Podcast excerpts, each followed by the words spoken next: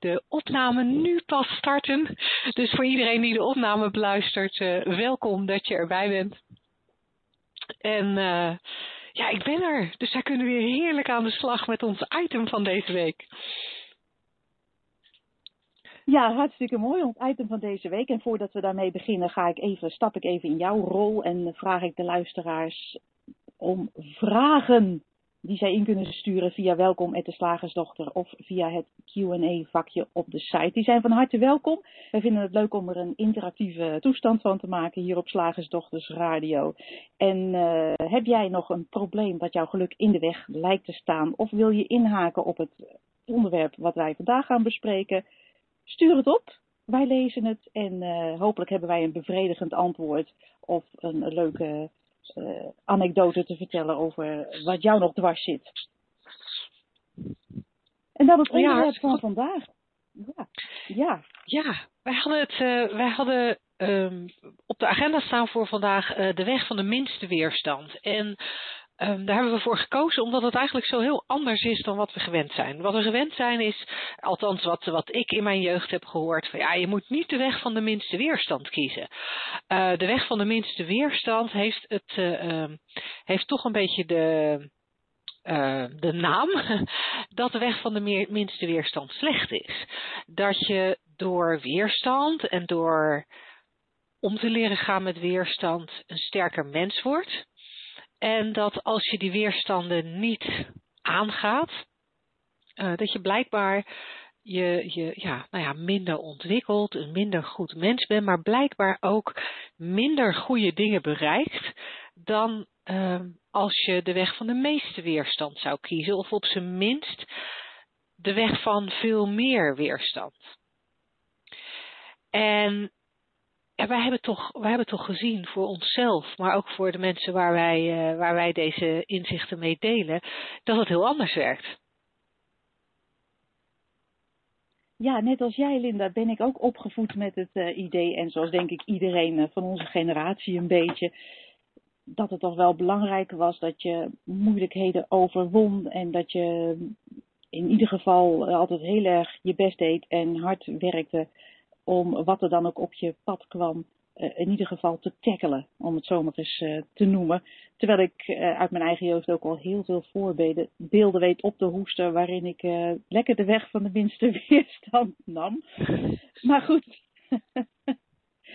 ja, die, die, die weerstand. Ik, ik, als ik het zelf heb over weg, dan zie ik ook een soort beren op de weg.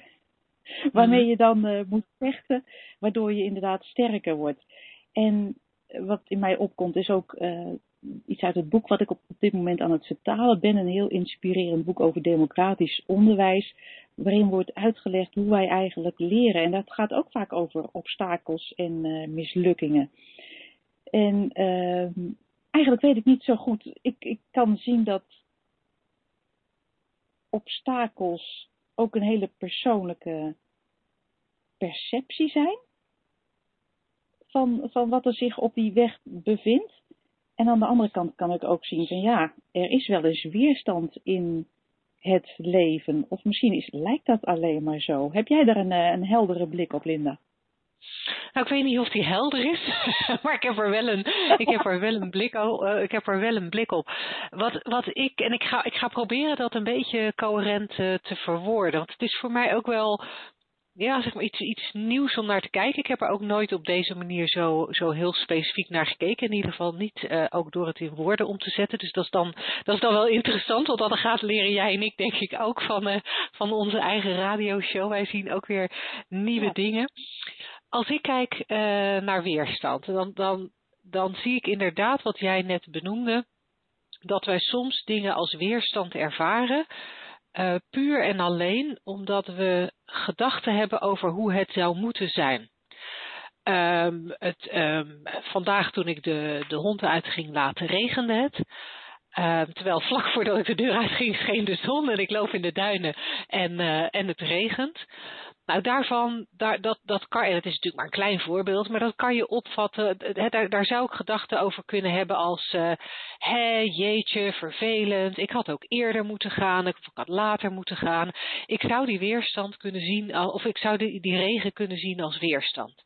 Zoals ik ook uh, het afgewezen worden voor een sollicitatie kan zien als weerstand. Um, zoals ik ook het, uh, het, niet slagen voor mijn rijbewijs de eerste keer kan zien als weerstand waar ik doorheen moet. Of een ongeluk dat ik krijg, kan ik zien als weerstand waar ik doorheen moet. Meer en meer zie ik dat je daar ook anders naar kan kijken. Dat het feit dat ik het als weerstand ervaar, dat dat puur een gedachte in mijn hoofd is, omdat ik het blijkbaar anders had gewild. Ik had blijkbaar in, in één keer willen slagen voor mijn, uh, voor mijn rijbewijs. Ik had blijkbaar vandaag in de zon willen wandelen. Uh, ik had uh, niet dat ongeluk willen krijgen. Ik had, ik had uh, onmiddellijk aangenomen willen worden voor die specifieke baan waar ik op solliciteerde. Dus het feit dat de, de, de, het leven er niet uitziet zoals zoals het plaatje in mijn hoofd gevormd was, zoals ik dacht dat nodig was om gelukkig te zijn of me lekker te voelen of verder te komen in het leven. Als dat plaatje er niet hetzelfde uitziet, dan benoem ik het als weerstand. En dat, daar zit een interessante discrepantie. Want als, als ik er anders tegenaan kijk, en bij die regen kan ik dat heel makkelijk. Ik ben, ik ben iemand die, nou, zo goed als niet beïnvloedbaar is door het weer. Dus het maakt mij echt niet uit. Nou ja, dan regent het. Ik vind de zon hartstikke leuk natuurlijk. Uh, als ik zou kunnen kiezen, zou ik de zon aanzetten in plaats van de regen. Maar als het dan regent, doet me dat niks. Dan loop ik terug naar de auto, haal ik mijn paraplu en, en banjer ik lekker door de regen. En uh, ja, trek ik een droge kleren aan als ik thuis kom en droog mondje af en klaar ben ik. Uh, dus, dus, dus daar ervaar ik het niet eens als weerstand, omdat ik, om, omdat het me niet uitmaakt, omdat ik er geen gedachten over heb. Dus dat is de ene kant, dat we dingen als weerstand zien die eigenlijk alleen maar niet in het plaatje passen dat wij zelf bedacht hebben. En we hebben in deze radioshow natuurlijk al vaker gezien, ja, dat plaatje wat wij in ons hoofd bedacht hebben, dat is hartstikke leuk dat we dat bedenken. Uh, maar ja, wat, wat we bedenken is niet waar. Dus door dan toch uh, vast te houden aan het plaatje wat we hadden, uh, wat we hadden bedacht, en per se dat te willen zien en alles wat anders is, uh, te ervaren als weerstand of niet goed, daarmee creëer je in jezelf natuurlijk een hoop frictie en uh, um, creëer je ook een realiteit voor jezelf die onprettig is. Dus dat is voor mij de ene kant van, van dat weerstandverhaal. Andere kant uh, wat ik zie, en dat, dat, dat zie ik meer in, in mijn werk, is dat ik met name in het verleden heel, heel erg plannen en doelen had voor mijn werk. En, die, en die, daar zat altijd een, een, een tijdsfactor uh, aan. Daar zat, daar zat wat mij betreft een deadline aan. Die deadline bedacht ik zelf. En de argumenten die ik ervoor bedacht, uh, had ik ook allemaal zelf bedacht. Weet je wel, dat het belangrijk was, want anders te weinig inkomen. Ik had daar altijd vrij veel stressvolle gedachten bij. Waarom dingen in een bepaald tempo moesten. En waarom een omzet een bepaalde hoogte moest hebben. En waarom een promotie een bepaald aantal mensen moest hebben. Uh, dus ook toch weer dat plaatje. Um, en, en als ik dan uh, aan de slag ging en ik deed zo'n promotie en hij, hij uh, lukte niet, dan uh, ervaarde ik dat als weerstand. Of wat ik ook nog wel eens ervaarde, dat ik dan bijvoorbeeld een promotie ging doen en dan moest ik een salespagina schrijven en ik moest mails schrijven en daar had ik dan helemaal geen zin in. Dus ik voelde een soort innerlijke weerstand. en, maar dan dwong ik mijzelf om het toch te doen. En ik, ik kan mezelf heel goed dwingen om dingen te doen. Maar dat voelt helemaal niet lekker. Dus ik kreeg wel dingen voor elkaar, maar eigenlijk altijd met een soort gevoel van stress en niet fijn. Maar ik dacht dat dat nodig was om iets te bereiken. En inmiddels heb ik ervaren dat als ik een soort weerstand voel om iets te doen, als ik er geen zin in heb, dat ik het ook uitstekend niet kan doen. Gewoon niet. Ja, ik had bedacht dat ik die salespagina vandaag moest schrijven, maar kan het ook gewoon niet doen. Want alle argumenten die ik heb bedacht waarom die salespagina er vandaag moet komen, heb ik zelf bedacht. Dus ik kan dat ook loslaten. En als ik mezelf daar toestemming voor geef en doe wat me op zo'n dag ingegeven wordt, uh, dan kan dat betekenen dat ik totaal niet met mijn werk bezig ben. Dat ik een kamer ga verven of dat ik ga uh, um, een halve dag of een hele dag aan het binge-watchen ben op Netflix en alleen maar series kijk. Dus dan ziet het eruit alsof ik echt helemaal niks, echt helemaal niks presteer. En dan kan je natuurlijk allerlei gedachten hebben over, nou als dit de weg van de minste weerstand is, dan komt het helemaal niet goed.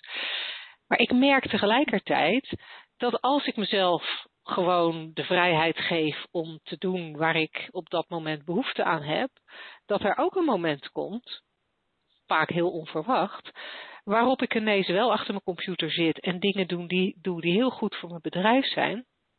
En het dan doe in een veel hoger tempo, veel makkelijker. En ja, misschien is het dan niet die salespagina, maar doe ik iets anders. Wat dan heel makkelijk uit mijn handen vloeit en wat wel bijdraagt uh, aan mijn bedrijf of wat wel goed is voor mijn klanten.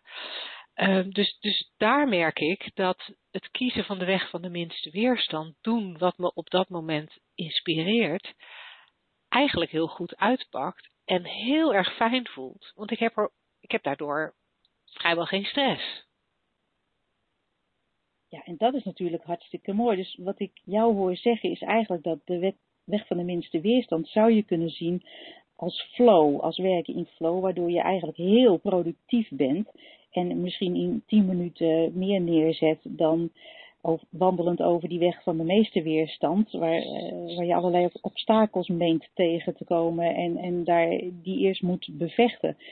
Dus dat is, dat is uh, heel mooi om uh, het op deze manier te bekijken, denk ik. dat werken in flow, dus de, mes, de weg van de minste weerstand is, een soort moeiteloos ontvouwen van het leven, waar we het dan ook wel eens over hebben. Hè? Ja. En die je dan ja, waardoor, waardoor je vanzelf dingen ziet, dingen op je pad komen, om het zo maar even te zeggen. Van, oh, dan doe ik dit en dan doe ik even dat. En dan, dan lijkt het ook allemaal veel moeitelozer te gaan en, en presteer je veel meer dan je ooit van tevoren had uh, kunnen bedenken. Zonder daar ja. uh, uh, dat van tevoren bedoeld te hebben. En waar ja. jij het daarvoor over had, vond ik ook heel erg mooi uh, dat die weerstand eigenlijk volledig zelf bedacht was. Omdat het slechts een vergelijking is met hoe wij denken dat het had moeten gaan. En ook wat ik daar ook als aanvulling in zie, is dat er ook die weerstand vooral zit in, in angst uh, voor wat er zou kunnen gebeuren bijvoorbeeld, of, of angst om wat er nu gebeurt, um, ja, heel simpelweg aan te pakken. Toevallig even teruggrijpen naar het boek wat ik, uh, waar ik vandaag mee bezig was met de vertaling. Daar las ik deze zin en, en eigenlijk denk ik, oh ja, dat heeft hier ook mee te maken. Uh, en die zin die luidt, de onervarenheid van kinderen opent soms poorten die voor veel volwassenen gesloten lijken vanwege hun ervaring. En dan denk ik, ja, die poorten, dat is, dat is dan de weerstand die wij bedacht hebben door oude ervaringen. We leggen oude ervaringen over het uh, leven zoals dat zich nu aandient.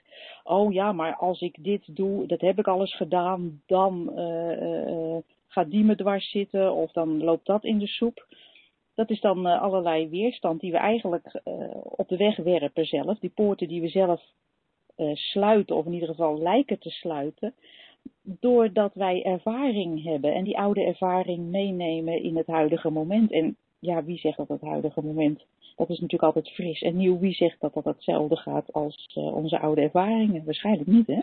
Ja, nee, dat, dat uh, hoe zeggen ze het altijd? Resultaten uit het verleden zijn geen garantie voor de toekomst. Dus het kan, het kan inderdaad heel, uh, heel anders aanpakken. Ja, en terwijl jij dit, dit vertelde, dat, dat bracht bij mij een, uh, nog iets anders boven. Wij hebben uh, ja, onze cultuur, maar dat is niet alleen onze cultuur, het is denk ik de hele westerse samenleving, is natuurlijk vrij fors doordrongen van, uh, van Calvinisme, waarin de gedachte overheerst dat we hier op aarde zijn om hard te werken. Uh, ik weet niet of daar ook werkelijk een grondslag voor is, maar dat lijkt, dat lijkt wel te zijn waar we allemaal toch vrij sterk mee door, doordrenkt zijn. En we ja. mogen best wel rusten. Um, maar dat, maar dat, dat mag eigenlijk pas nadat we zes dagen hard gewerkt hebben. Op de zevende dag mag je rusten. Maar zes dagen moet je hard werken. En het lijkt ook wel alsof we door, doordat, dat zo, doordat we dat zo meegekregen hebben, dat we het heel moeilijk vinden om niks te doen en onszelf een beetje mee te laten dobberen op de flow van het leven. Het lijkt alsof we daardoor heel erg geneigd zijn om maar steeds het roer in handen te willen hebben en, en, en, en maar steeds ja, door te, zeg maar, ja, steeds, het roer in handen is niet eens het goede woord, maar steeds door te gaan en maar te blijven bikkelen. Uh, en als je dan een keertje rust hebt, uh, daar eigenlijk nauwelijks van te kunnen genieten. Want ja, uh, op je horloge kijkend, ja, ik heb nu eigenlijk al wel zoveel rust gehad, nu wordt het wel tijd om iets te doen. Waardoor we volgens mij ook veel sneller in actie komen als we een probleem ervaren of als we vinden dat een situatie moet veranderen, dan wellicht goed voor ons zal zijn. Want ik, ik weet niet of jij dat ook herkent uit, uit je leven, en misschien vooral je vorige leven voordat je ging, uh, voordat je ging rondreizen. dat je, dat je soms een, een probleem ervaart in je leven of een uitdaging, zoals mensen dat dan natuurlijk ook graag eufemistisch noemen. Omdenken, ja. ja, omdenken. Um, en dan uh, ja, en dan, en dan vind je dat je dat moet oplossen en dan schiet je in een oplossing. Terwijl als je op zo'n moment gewoon niks zou doen, het probleem vanzelf verdwijnt. En dat fascineert mij ook. Ja, dat vind ik een hele mooie. Van, uh, ik herken dat inderdaad, dat ik vroeger enorm veel, en misschien doe ik het nog wel eens hoor, enorm veel beren op de weg projecteerde. Maar dan ook echt projecteerde met andere woorden, ze waren er niet echt. En dan kun je natuurlijk omdenken en hem leuk gaan knuffelen. maar uiteindelijk bestaat die hele beer niet, dus sta je met lege handen. En inderdaad, vaak is het gewoon heel nuttig om niets te doen en te kijken, ja, is het wel daadwerkelijk een beer? En ja. in mijn ervaring zie ik dan regelmatig dat dat, of eigenlijk in, in, in heel veel gevallen, dat het gewoon een verzinsel van mijn brein is. En meer niet. Ja, en, en, en, volgens mij gaan we daar als mensen vrij ver in. Ik heb toevallig afgelopen week eh, twee keer mensen gesproken die. Uh, de een had een heel zwaar ongeluk gehad en de ander een aantal heel zware operaties. Dus echt mensen die, die lichamelijk echt, echt iets meegemaakt. en allebei neigen ze ernaar om enige weerstand te hebben tegen het feit dat hun lichaam moet herstellen. ik, kan, ik herken dat heel erg omdat ik dat in het verleden zelf ook wel heb gedaan na, uh, na ongelukken of, of operaties die ik zelf heb gehad. Maar dat is ook fascinerend dat, dat zelfs in in, in het extreme geval dat je drie open hartoperaties hebt gehad in, in een periode van zes weken tijd, dat je zelfs dan nog het moeilijk vindt om rust te nemen en even niks te doen. en dan denk ik, wow, het zit, het zit echt heel erg in ons om, uh, ja, om alles maar te willen tackelen wat er, uh, wat er op ons pad komt. Om inderdaad elke beer van zijn sokken te willen rijden. Um, terwijl je soms gewoon beter kan wachten tot de beer verdwenen is. Het zit vaak vanzelf op. Ja, ja, ja. Ja, ja en, dan, en dan is, uh, is niks doen wat mij betreft echt een uh, hele goede optie.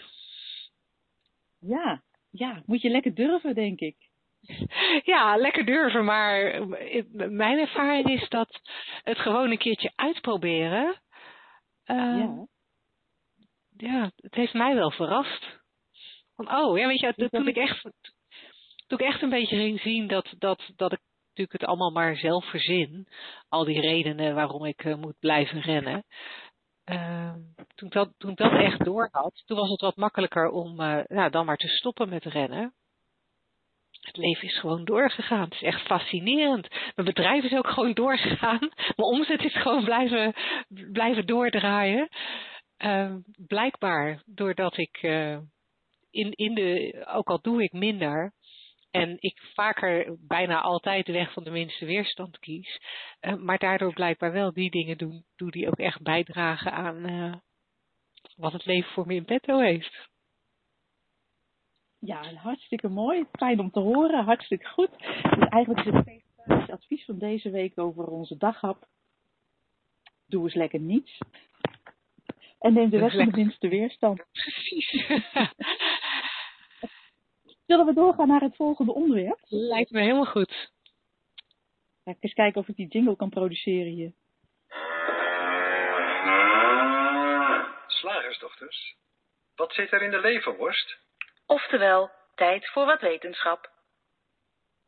Ja, tijd voor wat wetenschap. En deze week heb ik het mijzelf enigszins makkelijk gemaakt door een wetenschappelijke documentaire te bekijken op de BBC.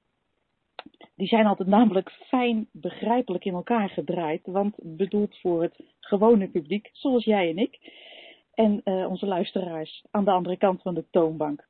En dit, uh, deze uitzending ging over het brein, over ons prachtige brein en wat het allemaal kan. En er werd van uitgegaan dat er wel een onafhankelijke buitenwereld is, buiten dus de waarneming van je brein, maar -hmm. dat die echte wereld buiten ons en dat vond ik een hele leuke, geen kleuren, geen smaken, geen geuren en geen geluiden heeft van zichzelf. Hè? Ja. Nou, dat is dus niet voor te stellen in het brein. Maar je zou dus de buitenwereld niet herkennen zonder brein. Nou, dat lijkt me logisch, want zonder brein uh, kom je niet zo ver. Maar uh, wat er dus gesteld werd was het brein dat neemt informatie op, zoekt daar patronen in en gebruikt die dan om die kleurrijke show te creëren die onze realiteit is. Dus zowel de kleuren, de smaken, de geuren en de geluiden worden in je brein geproduceerd, maar bestaan niet als zodanig in die buitenwereld. En het lijkt natuurlijk alsof we met onze zintuigen de wereld ervaren, hè? met onze ogen en onze oren en de mond en de huid. We ja. deden dus in deze uitzending wij hele leuke proefjes. Jij hebt uh, in je opleiding van Three Principles een vast ook wel gezien van zo'n zo'n blad waarop een tekening staat waar eigenlijk, uh, waarin je een beeld herkent. Maar dat beeld dat staat er helemaal niet, dat ontbreekt eigenlijk. Dus eigenlijk ja. is er eromheen ja. ingevuld, waardoor je in het niets een beeld ontdekt. Nou, hoe kan dat nou? Nou, onze brein, ons brein herkent dus patronen en vult dan in. Wat hij ziet, interpreteert dus letterlijk. En deze uh, documentaire zei dat alles dus een interpretatie is van het brein. Niet alleen de beelden, maar ook alles wat we met de andere zintuigen ervaren. Dus onze perceptie heeft alles te maken met wat er in ons brein gebeurt, maar niet wat er daarbuiten gebeurt. Dus wat er binnenkomt, ik vergelijk dat altijd net als met een computer. In onze computer zitten eigenlijk alleen enen en nullen. Zoals er in die buitenwereld ook eigenlijk alleen enen en nullen zijn. Maar dat wordt een soort vertaald de beelden die je erop ziet, de geluiden die je eruit hoort, de hele computerervaring is eigenlijk alleen maar 1 en 0, maar je brein, of de computer in dit geval, in deze vergelijking, vertaalt dat dus naar die hele ervaring. Nou goed, hoe, hoe werkt dat nou? Nou, alles wat er dus aan geluiden, kleuren en geuren ons brein binnenkomt, dat wordt omgezet in elektrochemische signalen. En die reizen door die neuronen in ons brein. En daar hebben we er 100 miljard van. Dus dat is nogal wat. Er vindt heel veel activiteit plaats en die activiteit, die breinactiviteit, die produceert ons idee van de realiteit. Door dus het herkennen van die patronen en informatie die binnenkomt. En dat, daar is het brein heel efficiënt in. Dat doet hij razendsnel. Want kijk maar eens eventjes om je heen. Moet je kijken hoe snel jij waarneemt. Ik zie nu een fles, ik zie een gitaar, ik zie een, een dichte computer en een lampje. Hoe snel je dat waarneemt en vertaalt in een voor jou herkenbaar beeld en concept. Mm-hmm. Nou, wat ze in deze documentaire lieten zien was, was een heel interessant verhaal, dat wil ik je niet onthouden. Dat was een, een man die had beschadigde ogen. Toen hij een jaar of drie was, was hij getuige van een chemische ontploffing. Daardoor werden zijn ogen dus fysiek beschadigd, waardoor hij niet meer kon zien. Na 40 jaar hebben ze zijn ogen gerepareerd. Nieuwe cornea erin, ik weet niet precies, uh, soort, uh, dus nieuwe lenzen erin. Dus fysiek waren zijn ogen gerepareerd. Ze waren helemaal weer in orde, technisch gezien. Mm-hmm. Maar hij had dus 40 jaar niets gezien, want er, was geen, er waren geen ogen om, om, om het binnen te laten, al het uh, licht en, en, en de frequenties, of hoe je het ook wil noemen. Maar de neuronen in zijn hersenen, die dus normaal gesproken voor het zicht zorgen, voor echt het zien, die hadden zich uh, een andere taak aangemeten gedurende die 40 jaar dat, uh, dat die ogen niet werkten. En die hadden zich gespecialiseerd in tasten en in het gehoor. En hoewel zijn ogen dus helemaal gerepareerd waren, kon hij nog steeds niets zien. En dat was fascinerend. Zijn brein was er gewoon niet op gericht om uh, de vertaalslag te maken. En zelfs tien jaar na die operatie kon hij wel, hij gaat steeds iets beter zien. Het brein wordt nu getraind om patronen te herkennen, maar had nog steeds een geleidehond nodig. Want zijn brein kon geen diepte invullen en geen afstand inschatten. En het was fascinerend om te zien hoe de man dus 100% fysiek in staat zou moeten zijn om te kunnen zien. Maar dat dat brein dus uh, zich op een andere manier had ontwikkeld en dus het zicht niet kon uh, produceren zoals wij dat in onze beleving, in onze realiteit gewend zijn. En ze deden ook allerlei leuke experimenten in deze uitzending met, uh, met een bril die, die je wereld omkeert, links, rechts en rechts, links. Ja. Nou, dan, dan ga, je, ga je heel raar bewegen. Want je, je brein kan dan dus niet een, een, een passende realiteit construeren. Dat is heel apart om te zien. En, en dat duurt een paar weken voordat het brein alles weer omdraait. En zet je die bril dan weer af, dan is andersom weer het geval. Moet het brein zich opnieuw aanpassen om te zien wat er werkelijk is. En uh, wat we ook noemden is dat, dat baby's dat dus ook nog helemaal moeten leren. Dat een baby, het brein, het, de ogen zien wel, maar alles wat die ogen binnenkomt, wordt niet herkend. Dat vond ik ook heel mooi. Als ik terugkijk naar mijn, uh, de kindertijd van mijn eigen kleintjes, dat, dan kijken die ogen wel, maar ze hebben geen idee wat ze, wat ze zien. Dus het is niet Nee. alleen dat ze het niet weten, maar ze zien in feite niks. Wat wilde jij zeggen?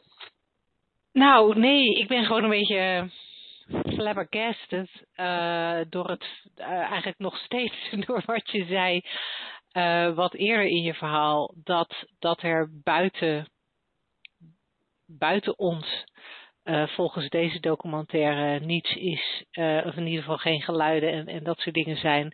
En dat ons brein dat ervan maakt. Om, ik, ik, ik ben er zo van onder de indruk, omdat het vanuit de drie principles, maar ook vanuit, vanuit andere uh, nou ja, hoeken daar natuurlijk al langer naar gewezen wordt. Je hebt ook al eens verteld over een onderzoek waaruit gebleken is dat wij slechts uh, reflecties zijn van energie aan de randen van het universum. Ja. En ik vind het zo fascinerend dat, dat hè, waar een baby uh, uh, nog niks ziet omdat hij niks herkent. Ja, blijkbaar zit er iets in ons waardoor we, waardoor we er zelf patronen gaan van gaan maken. Terwijl als deze documentaire daarin gelijk heeft en als de drie principles daarin gelijk hebben, er buiten onszelf eigenlijk niet echt iets is. Het is toch. Het, het vind ik bijzonder. ja. Ja, het zet uh, een heleboel op zijn kop als je er op deze manier naar kijkt, maar dan figuurlijk. Niet met behulp van zo'n bril. Uh, er werd ook nog gezegd in deze documentaire dat, dat ons, er zit ook een vertraging in onze hersenen. Dus, dus dat wij in de realiteit ook altijd eigenlijk achterlopen op wat er gebeurt. Het geluid heeft vertraging en zelfs licht heeft vertraging, hoe snel het allemaal ook gaat. Dus dat ons de vertaling in ons brein is langzamer dan, dan, dan, dan wat er gebeurt. Dus eigenlijk leven we altijd een soort, soort in het verleden. En ook omdat het brein werkt met bestaande patronen, dat vind ik dan ook nog wel even een, een, een leuke om te noemen, zie je ook altijd wat je eerder hebt gezien. Of laat ik zo zeggen, meen je te herkennen wat je al eerder hebt gezien. En zie je niet wat compleet nieuw is. Omdat jouw hersenen daar geen patroon voor hebben gemaakt. En dat vind ik zelf ook een hele interessante invalshoek. Je kan dus eigenlijk fysiek, omdat het brein niet zo werkt, geen dingen waarnemen waar jouw hersenen geen patronen voor hebben. En ja. nou, daar, daar zouden we een hele uitzending aan kunnen wijden, denk ik. Want wat zien wij allemaal niet, dames en heren? Ja, en ik, ik heb ooit eens zo'n verhaal gehoord, en dat sluit hierbij aan over dat stammen, indianen, ik geloof dat het over indianen ging die in Zuid-Amerika woonden, dat die de schepen niet konden waarnemen waarmee de ontdekkingsreizigers aankwamen, omdat dat een beeld was wat zij niet kenden. En ja, ja dat doet me hier ook aan denken. En wat je zegt, want het is natuurlijk intrigerend om erbij stil te staan dat, dat, dat we niet zien waar we geen patroon voor hebben. En dat er dus inderdaad heel veel zou kunnen zijn wat we gewoon niet waarnemen. Ja, ja. Zou het, zou het dan... heel grappig. Ja? Sorry, jij ga verder. Ik vind het ook altijd heel grappig als wij als mens constateren van er is geen leven op een bepaalde planeet. En dan denk ik, ja, hoe kunnen we dat in hemelsnaam weten? Misschien is er wel iets wat wij helemaal niet waar kunnen nemen. Ja, ja, en het, het, mij doet het er ook aan denken dat, uh, dat, dat we dus steeds ook terugvallen op wat we wel kunnen waarnemen. En als je dat een beetje doortrekt naar waar we het uh, aan het begin van deze uitzending over hadden, die weerstand en uh, de weg van de minste weerstand, dan kan het ook heel goed, heel goed zo zijn dat, dat, je, dat, dat je, ik, wij uh, in, een, in een manier van kijken of in een manier van denken, ik weet niet hoe je dat dan zou moeten noemen, uh, zitten, waardoor we eigenlijk altijd ja, steeds hetzelfde waarnemen. Uh, steeds, steeds waarnemen dat we niet gelukkig zijn. Steeds waarnemen dat we in de verkeerde baan zitten. Steeds waarnemen dat we de verkeerde relatie hebben. Steeds waarnemen dat onze kinderen niet, niet voldoen aan het plaatje wat we ervan hadden. Uh, om, om, omdat we dat ook maar ook steeds hetzelfde blijven zien. Ik weet niet of het klopt hoor, want ik zit, ik zit nu natuurlijk volledig te interpreteren wat jij in die documentaire hebt gezien. Maar ik vind het wel een grappige, een grappige richting om in te kijken voor mezelf. Ja, ja, en voor mij wijst het ook op, op de ongelimiteerde mogelijkheden die, die er wel zijn buiten onze geëikte gedachtepatronen, buiten onze geëikte waarnemingspatronen. Want als ik kijk naar uh, de hond van, uh, van mijn tijdelijke buren, die ruikt van alles wat ik niet ruik. En gelukkig maar. Ik geloof niet dat ik wil ruiken wat hij ruikt. Maar ja. dus ja. zijn hersenen hebben de mogelijkheid gecreëerd om, om heel andere patronen te herkennen, namelijk geurpatronen. Het schijnt dat honden dan kunnen waarnemen aan de hand van de geur van een plasje uh, hoe oud de hond is die geplast heeft en hoe gezond die is. Nou, ik noem maar wat. Ik kan dat niet. Ik kan in die plas ruiken. Mij zegt het uh, niets. Maar dat wijst ook in deze richting. Er is zoveel meer waar te nemen. Alleen kunnen wij dat niet door de patronen in onze hersens. Maar nou ja, misschien uh, kunnen we nieuwe patronen ontwikkelen. Of uh, alle patronen loslaten. Ik weet niet of dat mogelijk is, fysiek gesproken, in dat brein. Nee, maar volgens mij is het, het wel mogelijk zijn om op zijn minst je eigen, je huidige patronen minder serieus te nemen. Als je weet dat het dat lijkt uh, goed slechts patronen zijn.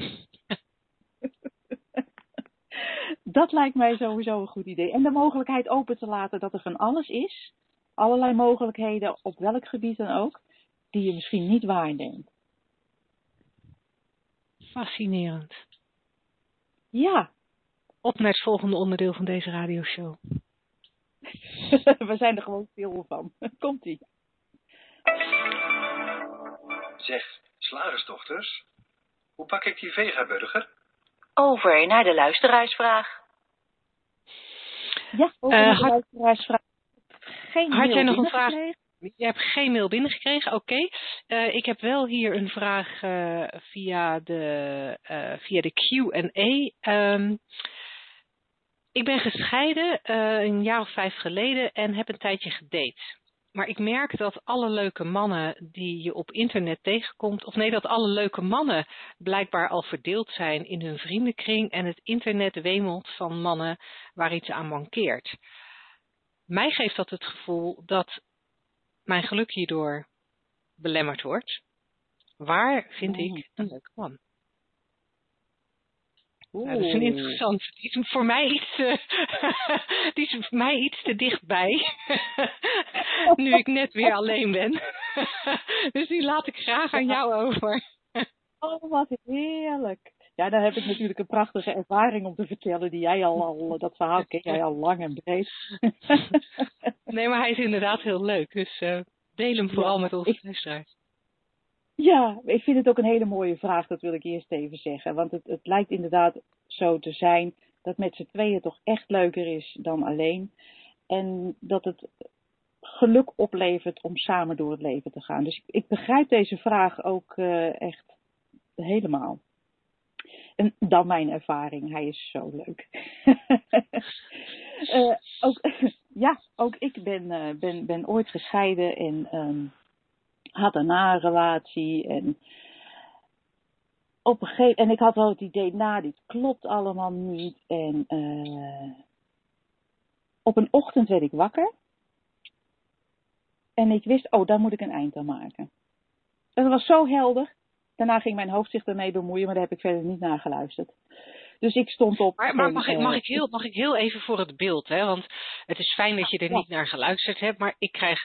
Ik, ik, ik denk dat het mensen heel erg helpt om toch een klein beetje te horen wat jouw hoofd dan allemaal denkt en waarvan jij zegt, nou nee, dat, dat, dat, uh, ik kies ervoor om daar niet naar te luisteren. Kan je daar iets, wil je daar iets over vertellen? Misschien is het te persoonlijk, maar. Ja.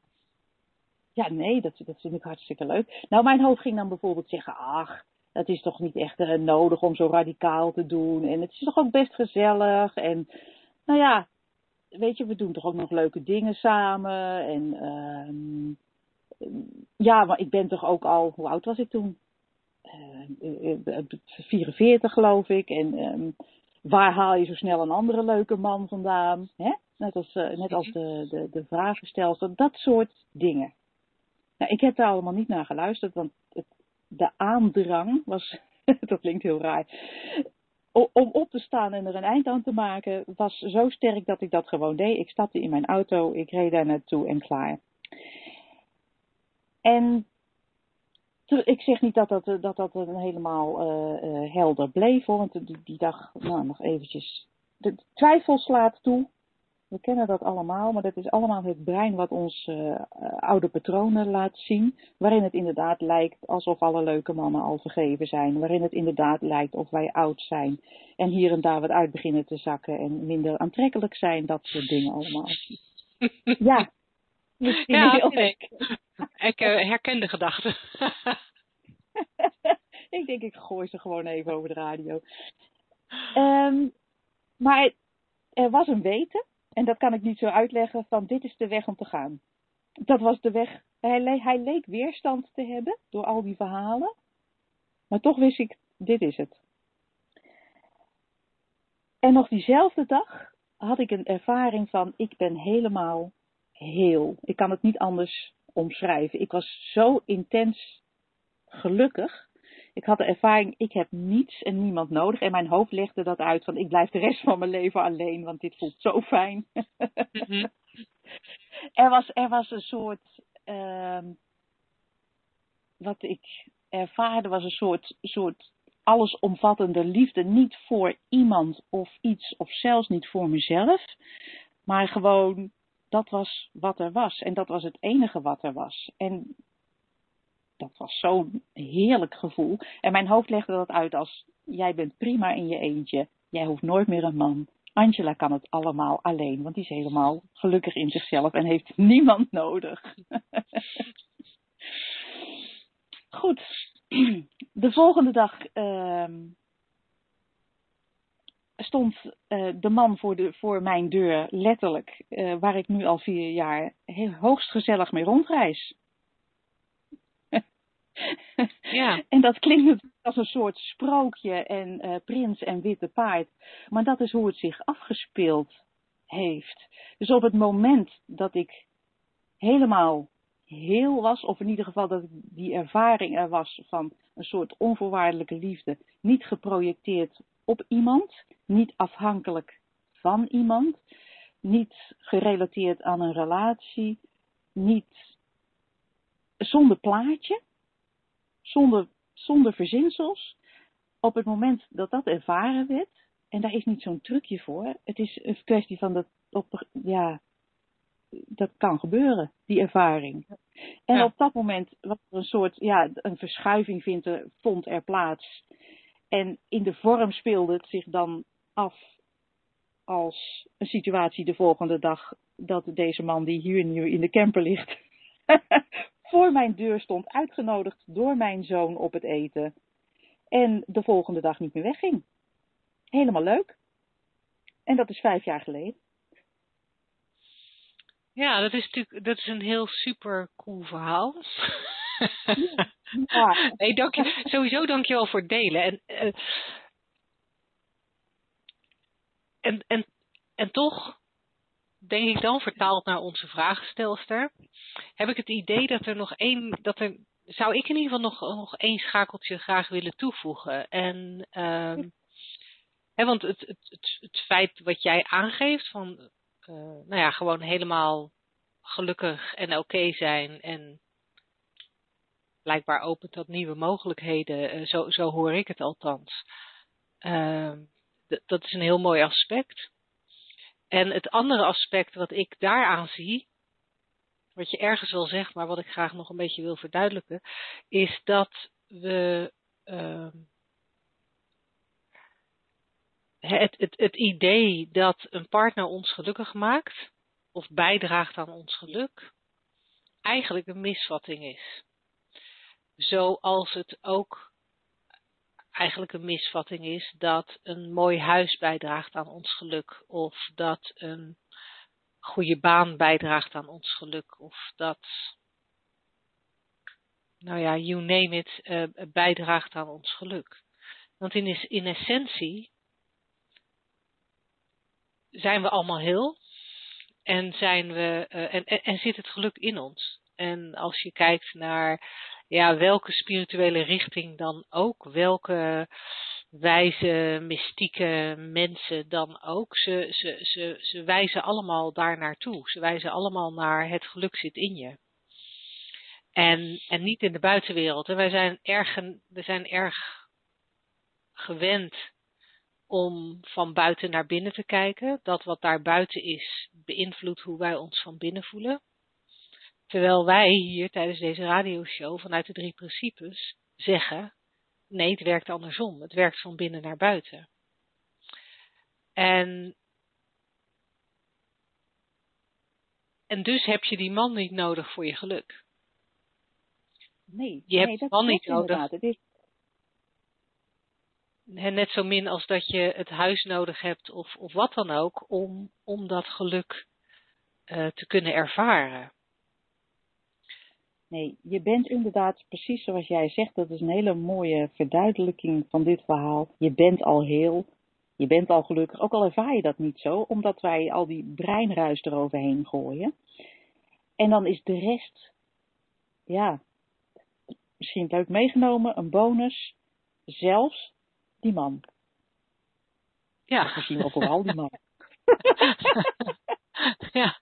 Ja, en het, het doet mij er ook aan denken hoe, hoezeer we zelf ehm, eh, gedachten creëren. Zoals onze vragenstelster dan ook de gedachte heeft van ja, alle leuke mannen zijn al vergeven in hun vriendenkring. En ehm, zo heb ik, eh, ik gaf net al even aan, ik ben sinds kort ook weer alleen. Of alleen, maar in de zin van ik heb geen relatie meer. Eh, en en ik herken, ik herken die gedachten wel, want ik schiet ook in gedachten over, nou ja, wat jij er straks ook al aangaf, hè, van eh, ik ben te oud, te grijs, te, eh, eh, dat, dat, wordt nooit, dat wordt nooit meer wat. En mij helpt het wel heel erg om te weten dat dat alleen maar gedachten zijn. En dat ze misschien wel op enig moment waar voelen, maar dat het echt alleen maar gedachten zijn. En, en niks meer. Ze zijn gewoon helemaal niet waar.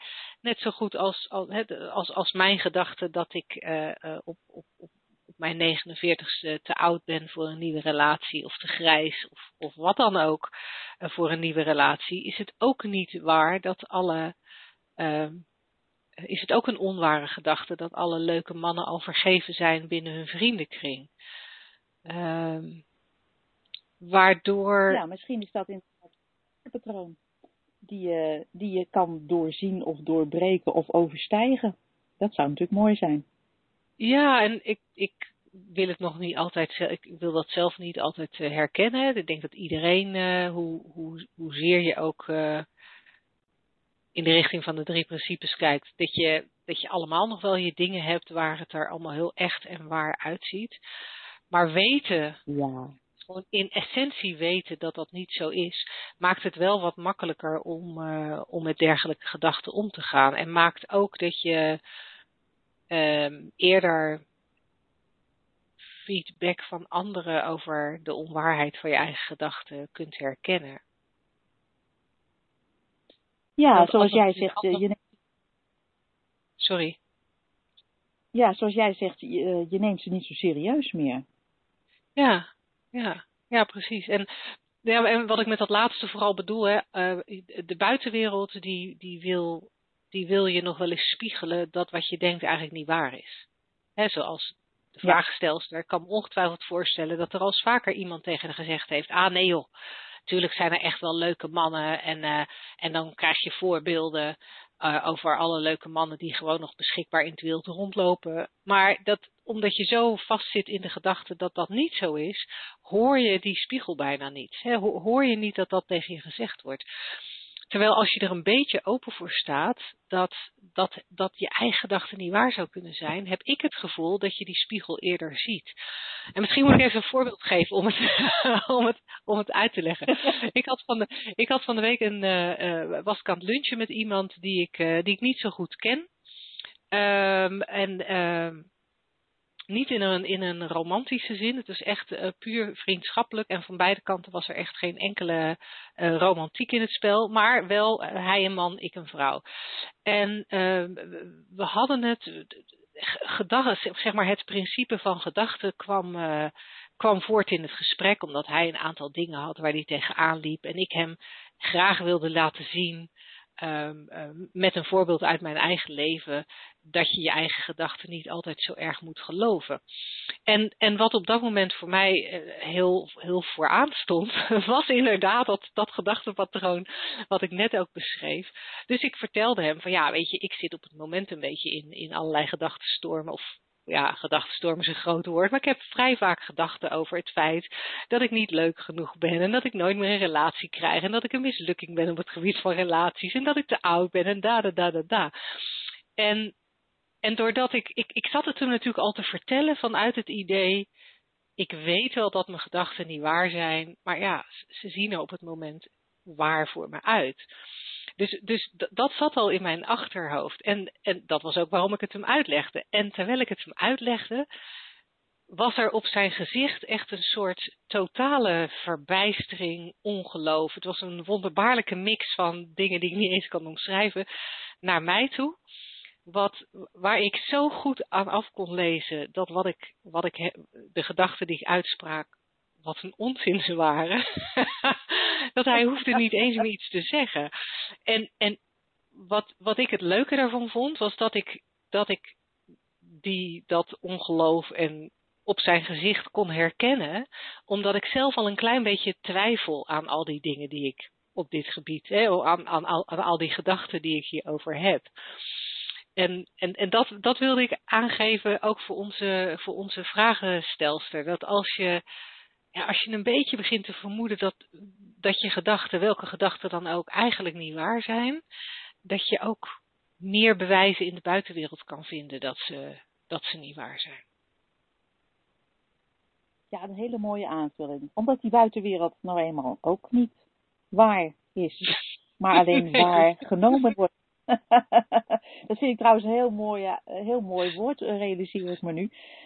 Wij nemen waar, wij nemen het aan voor waar, maar is het ook zo? Hmm. Interessant, hè? Ja.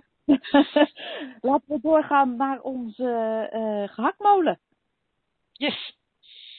Met dank aan de vragenstelster.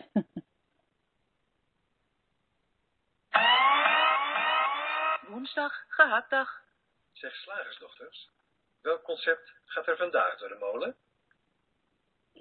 Eens even kijken. Oh ja, oh ja, dat is er eentje die ik, ik weet niet waar ik hem eh, wel eens hoor of zie. Het zal wel op Facebook zijn. Het medium. Het concept luidt, je kunt beter ongelukkig zijn in een Mercedes dan in een eend. Dus je kunt dus ongelukkig, nou ja, dat is dan natuurlijk niet zo leuk.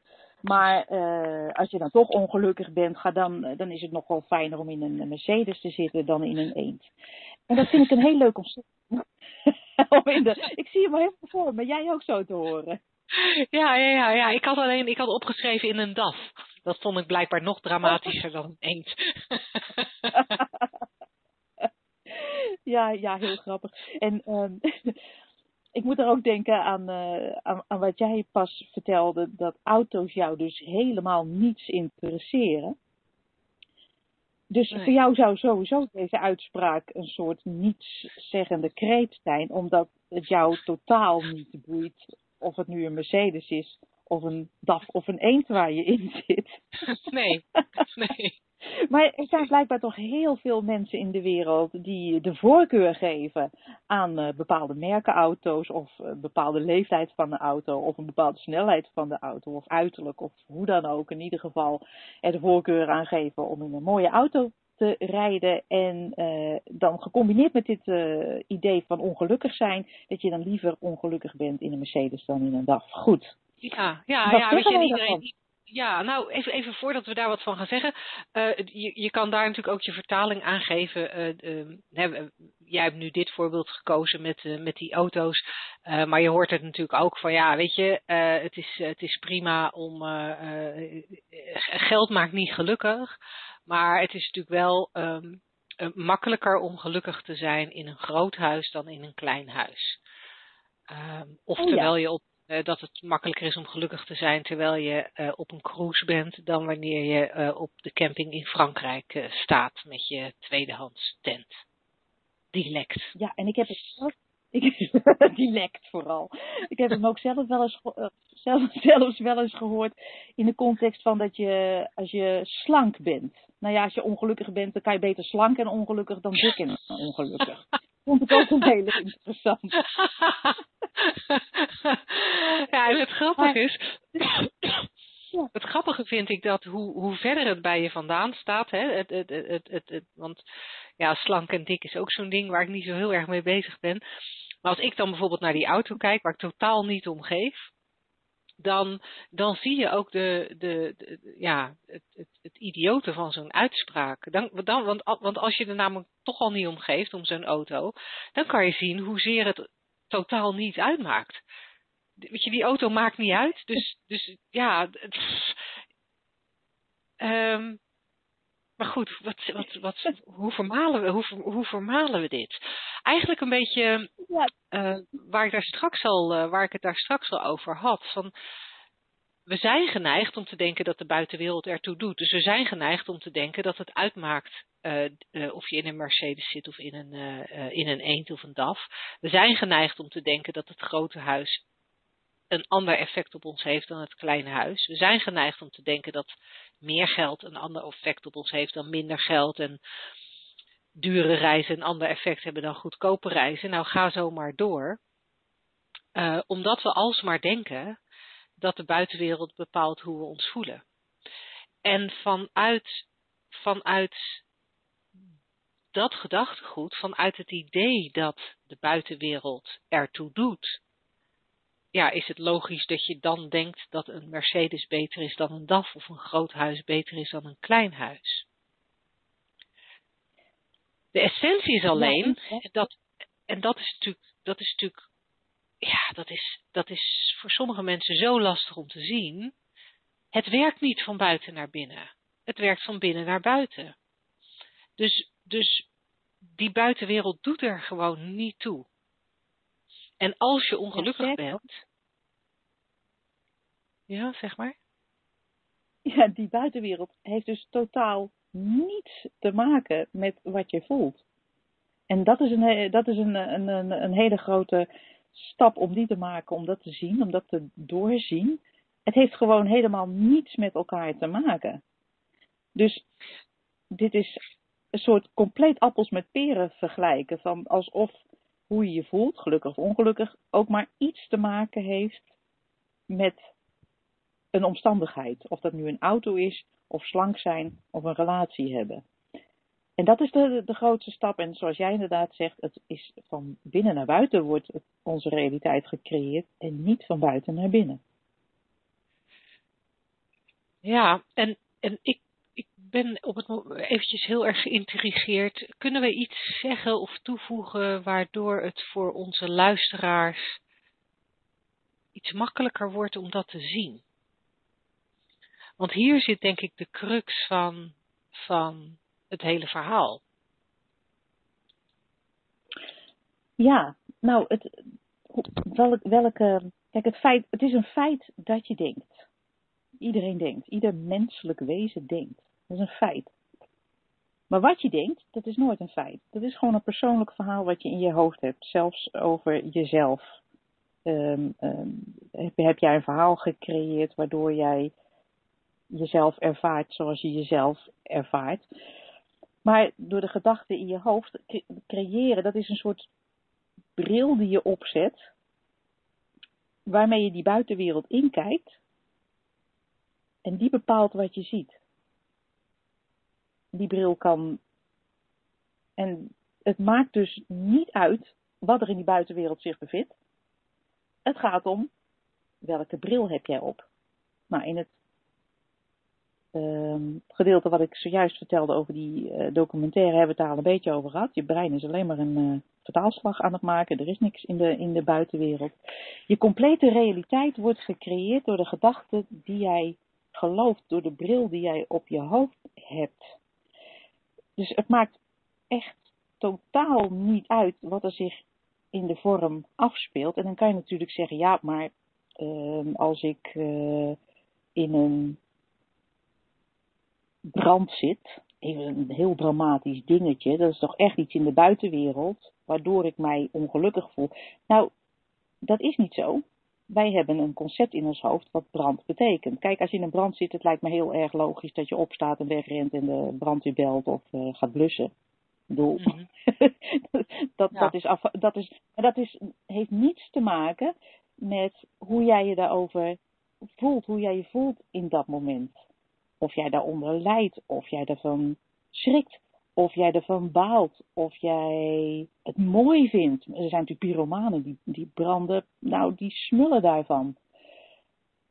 Maar het is onafhankelijk van elkaar. Je creëert elke ervaring van binnen naar buiten.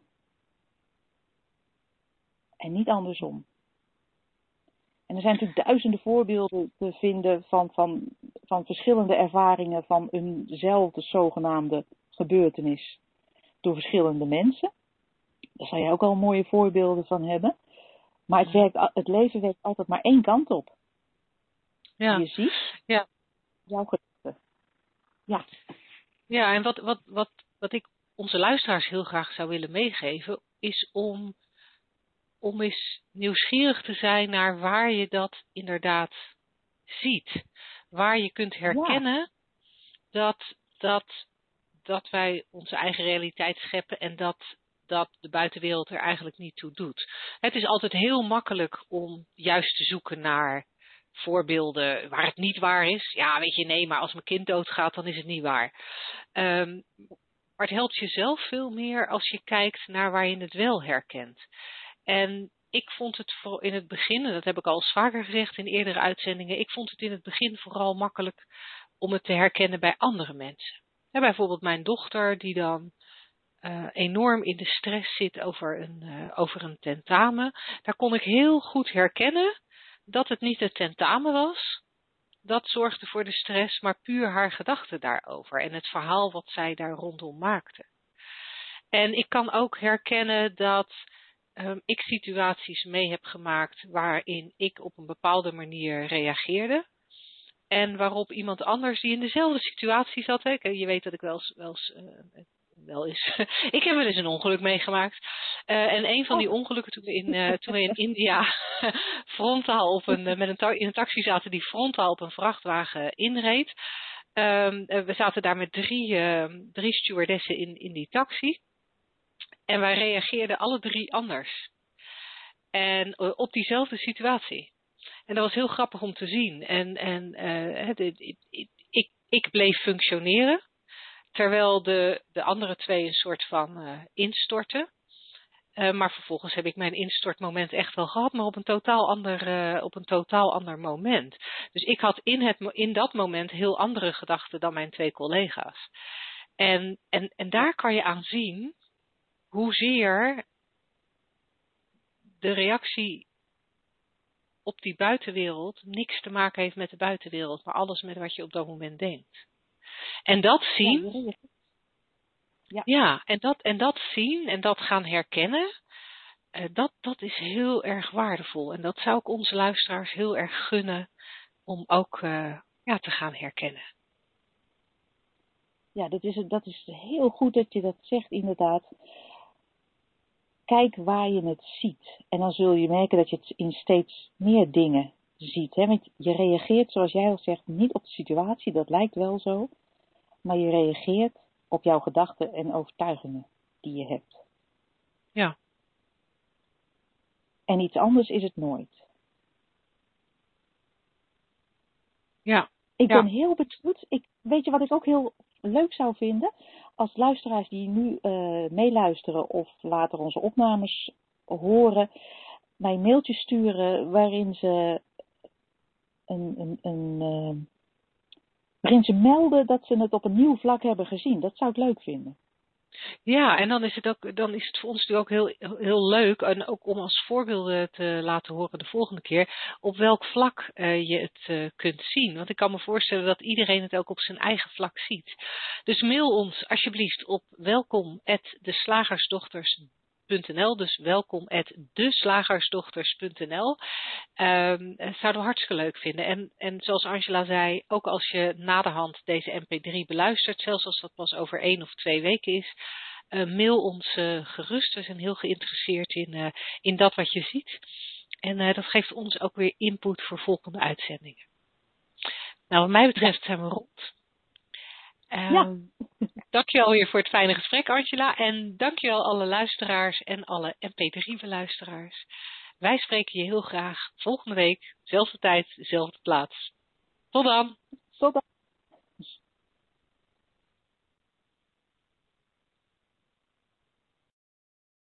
The moderator has left the conference.